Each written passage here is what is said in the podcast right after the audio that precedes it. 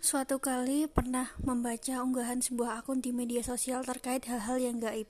Dalam unggahan tersebut dijelaskan bahwa para malaikat itu berbicara menggunakan bahasa manusia, sehingga bahasa yang digunakan para malaikat adalah bahasa manusia. Benarkah demikian? Setelah membacanya, saya membayangkan jika benar demikian akan muncul banyak sekali pertanyaan lanjutan. Misalnya seperti apakah malaikat punya zonasi? Sehingga setiap zona atau negara milik malaikat tertentu yang bisa bahasa tertentu. Atau apakah mereka memiliki kemampuan polyglot polyglot sehingga bisa berkomunikasi dengan berbagai bahasa. Dan juga pertanyaan yang lain apakah saat di langit juga menggunakan bahasa manusia dan ada bahasanya sendiri?